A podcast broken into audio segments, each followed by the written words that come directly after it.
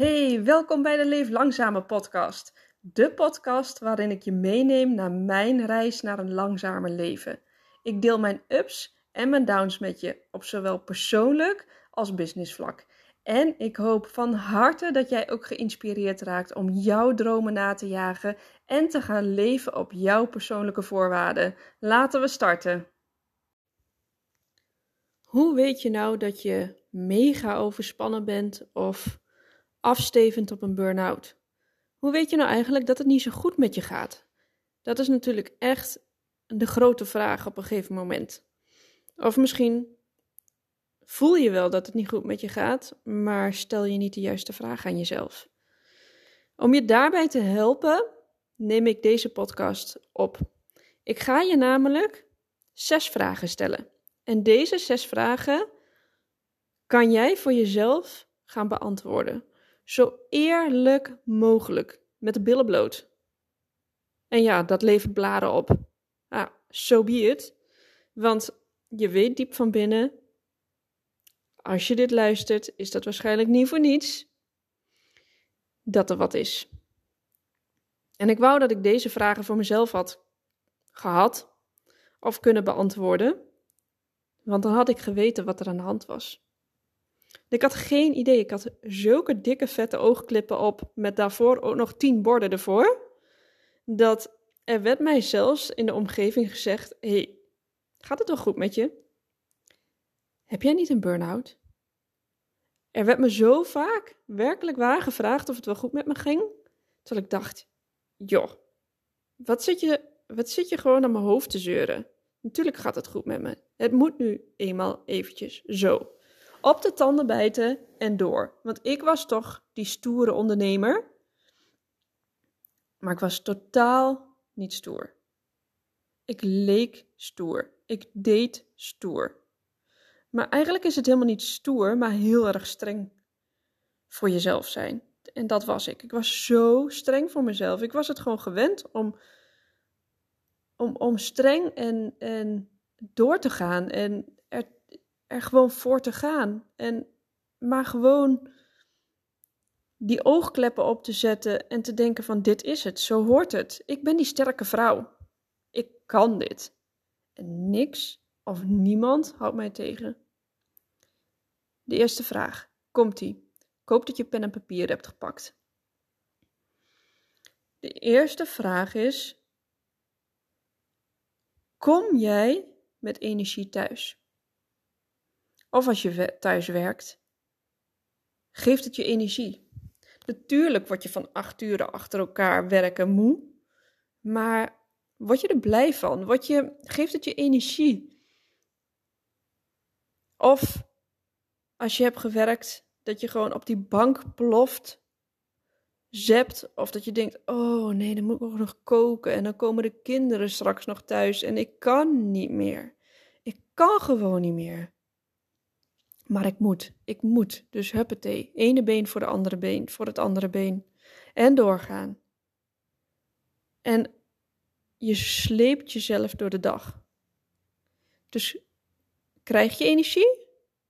Of kost het energie? De hele dag. Wat is het voor jou? Dan de tweede vraag. Doe je echt waar je blij van wordt? Geeft je baan jou, of datgene wat je doet, misschien ben je ondernemen, geeft het jou voldoening? Word je er trots van?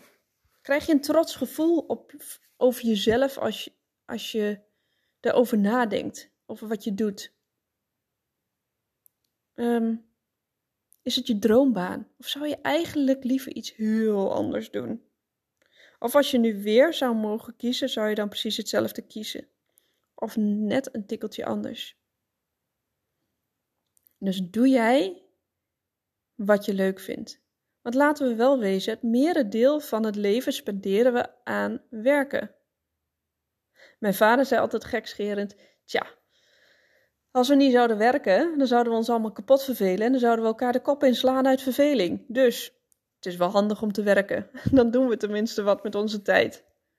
Ja, zo kan je het natuurlijk zien. Ik denk dat daar een kern van waarheid in zit. Want ik denk, als je niet werkt, en niet werkt en ook en, uh, huisvader of huisvrouw hoort daar natuurlijk ook bij. Dat is ook keihard werken, misschien nog wel veel harder werken. Maar gewoon de invulling van je dag. Ik denk dat het handig is dat we dat allemaal hebben. Want als je geen invulling hebt aan je dag, geen voldoening hebt, helemaal niks. Ja, dat zou denk ik ook maar saai, saai zijn. Natuurlijk denken we wel eens van, oh, had ik maar gewoon even een week niks. Maar stel je voor, je zou dag in dag uit helemaal niks hebben. Ja, ik denk dat dat ook echt dodelijk saai is. Ik denk dat dat niet goed is voor ons mensen.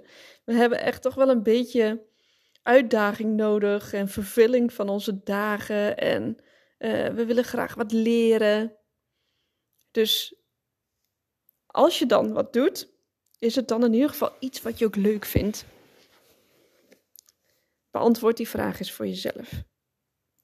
Dan de derde vraag. Dat wat jij doet, hè, elke dag, of bijna elke dag, doe je dat helemaal op routine? Is het echt elke dag repeterend hetzelfde? Doe je het volledig op de automatische piloot zonder er echt over na te denken bij wat je doet? Is het gewoon huppatee, half negen voor de laptop of uh, in de auto naar je werk en om vijf uur laptop dicht of weer terug naar je werk. En alles daartussen is eigenlijk elke dag vrijwel hetzelfde. En word je weinig uitgedaagd. En vind je het eigenlijk ook wel makkelijk zo. Sommige mensen vinden het heerlijk, hè, routine werken. Maar ik vraag me af of ze dat echt heel lekker vinden. Of doen ze denken ze dat omdat ze ook ditzelfde voorbeeld hebben gehad van hun ouders? Denken ze dat het zo hoort? Voor mij is het altijd ja, als iedereen allemaal elke dag hetzelfde doet en het lijkt allemaal op elkaar, zijn we dan niet een soort robotjes geworden? En als je in loondienst bent, ben je dan ook niet het robotje van een ander geworden?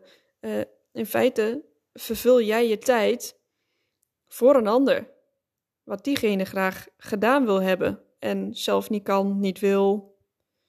Um, die heeft mankracht nodig. Ja, wat, wat is het hè? Ik vind het goed om over dat soort dingen na te denken. Dus functioneer je op je automatische piloot of niet? Beantwoord die ook maar voor jezelf. Dan de vierde vraag. En dit is er wel eentje waar je blaren van kan krijgen. Namelijk, heb je fysieke klachten? Dat is altijd echt één, ook één van die dingen die bovenaan het lijstje staat voor burn-out, stress, overspannen. Want ik ben er echt heilig van overtuigd dat het lichaam dingen, jou dingen vertelt die er emotioneel, geestelijk spelen. Als het systeem overbelast raakt, en je zou kunnen zeggen, ja, uh, het systeem overbelast, uh, dat is als je heel veel sport dat kan. Dan krijg je spierpijn of hè, overbelastingen van spieren, pezen, etc. Maar je kan ook jouw hoofd uitputten. En uiteindelijk, als jij niet luistert naar je lichaam en niet luistert naar dat uitputten en uiteindelijk ook niet meer goed kan slapen, dan gaat het lichaam mankementen vertonen. Tussen haakjes, hè. Want je krijgt dan misschien last van ehm, een hoge ademhaling, van een hart wat heel vaak uh, wat overslaat of um, ja, gewoon zo'n zo versnelde hartslag. Dat heb ik heel veel gehad. Dat ik dan op de bank lag en eventjes rechtop moest gaan zitten, een paar keer diep ademhalen en dat het hart dan weer normaal ging. Dat, daar schrok ik dan ook wel heel vaak van. Ik heb het nu heel af en toe heb ik het nog en dan weet ik, oh jee. Dan word ik daar gelijk wel een beetje angstig van, want het is een heel angstig naargevoel. Maar in feite zegt het hart, dat hart is gewoon ook overspannen. Dat gaat sneller kloppen van, oh, ik kan het allemaal niet aan. Zo moet je het zien. En vaak zijn het ook van die vage, onduidelijke klachten, zoals hoofdpijn, nekpijn, last van je schouders. En dan denk je, oh ja, ik zit ook helemaal verkeerd, of ik sta helemaal verkeerd, ik sta te veel, ik zit te veel. Je gaat het, overal ga je het wegschrijven, wegmoffelen. Maar diep van binnen weet je, dit is niet goed. Dit had ik eerst niet. Waarom heb ik het nu wel? Het lichaam vertelt je wat, echt waar. Luister daarna. Fysieke klachten, vaak een vage fysieke klachten. Je kan er tienduizend keer voor naar de huisarts gaan, maar uiteindelijk vertelt het lichaam jou stop. Stop, stop, stop, ik kan dit niet meer. Ik zit helemaal in de overdrive. Daar heb ik laatst ook een podcast over opgenomen. Als je in de overdrive zit in je hoofd, ja, dat is gewoon een uitputting van je hele systeem. Uiteindelijk ga je ook slecht slapen en je, en je komt helemaal in zo'n negatieve spiraal terecht. Als dit allemaal dingen voor jou zijn waarvan je denkt: oh ja, my god. Heel duidelijk. Dan is het echt tijd om hulp in te schakelen. Op je werk, om je heen. Neem iemand, in, neem iemand in vertrouwen, een vriendin. Want door het hardop te gaan zeggen, door dit nu al te luisteren en deze vragen te beantwoorden en door het daarna nog eens een keertje hardop met iemand te gaan bespreken, dan is het echt. Dan weet je, nu moet ik er ook wat aan gaan doen. En het is helemaal niet erg. Ik vond het vreselijk, want ik wilde niet van mijn voetstuk af. Ik wilde niet falen. Ik wilde gewoon door. Ik moest gewoon het project afronden. Ik moest door in die trein. Ik zat in die sneltrein. Ik kon er toch niet zomaar uitstappen. Eruit stappen voelde voor mij als, als gewoon keihard uit zo'n snelle trein. Als je daar uitstapt, ja, dat overleef je toch niet? Dat is toch niet te doen? Zo voelde het voor mij echt. Dat, dat was gewoon geen optie. Maar laat me je dit vertellen. Als je het niet doet uit de trein en je, en je kunt er echt uitstappen hoor, het valt echt mee. En als je dat niet doet, dan gaat de noodrem erop. Heel simpel. Dan komt die, komt die trein, die komt uiteindelijk wel keihard tot stilstand. Maar dan ook echt keihard. Dat is echt niet leuk. Dus je hebt het nu gewoon nog zelf in de hand. En dat, ik denk, ik denk echt dat dat prettiger is. De vijfde vraag. Heb jij het gevoel dat je uit balans bent? Emotioneel, lichamelijk dus ook, maar ook emotioneel. En de laatste vraag: heb je heftige emoties? nou, en of ik heftige emoties heb gehad. Ik heb het wel een keertje eerder verteld tijdens de podcast dat ik gewoon soms net voordat ik online een meeting in moest, lag ik eerst nog te janken op de vloer. Lag ik eerst nog met mijn hoofd in mijn armen te janken. En daarna, ik zag gewoon op de klok, oké, ik heb nog even, ik heb nog even, oké, tranen drogen. En happy face, pokerface, gaan. Wegmoffelen, keihard onder dat tapijt. Want het bestaat niet. Het was even een zwak moment. Zo ben ik niet. Ik ben stoer. Ik ben sterk. En ik was zo niet lief voor mezelf. Ik was echt totaal niet eerlijk. Ik was helemaal niet sterk. Ik wilde ook helemaal niet meer sterk zijn.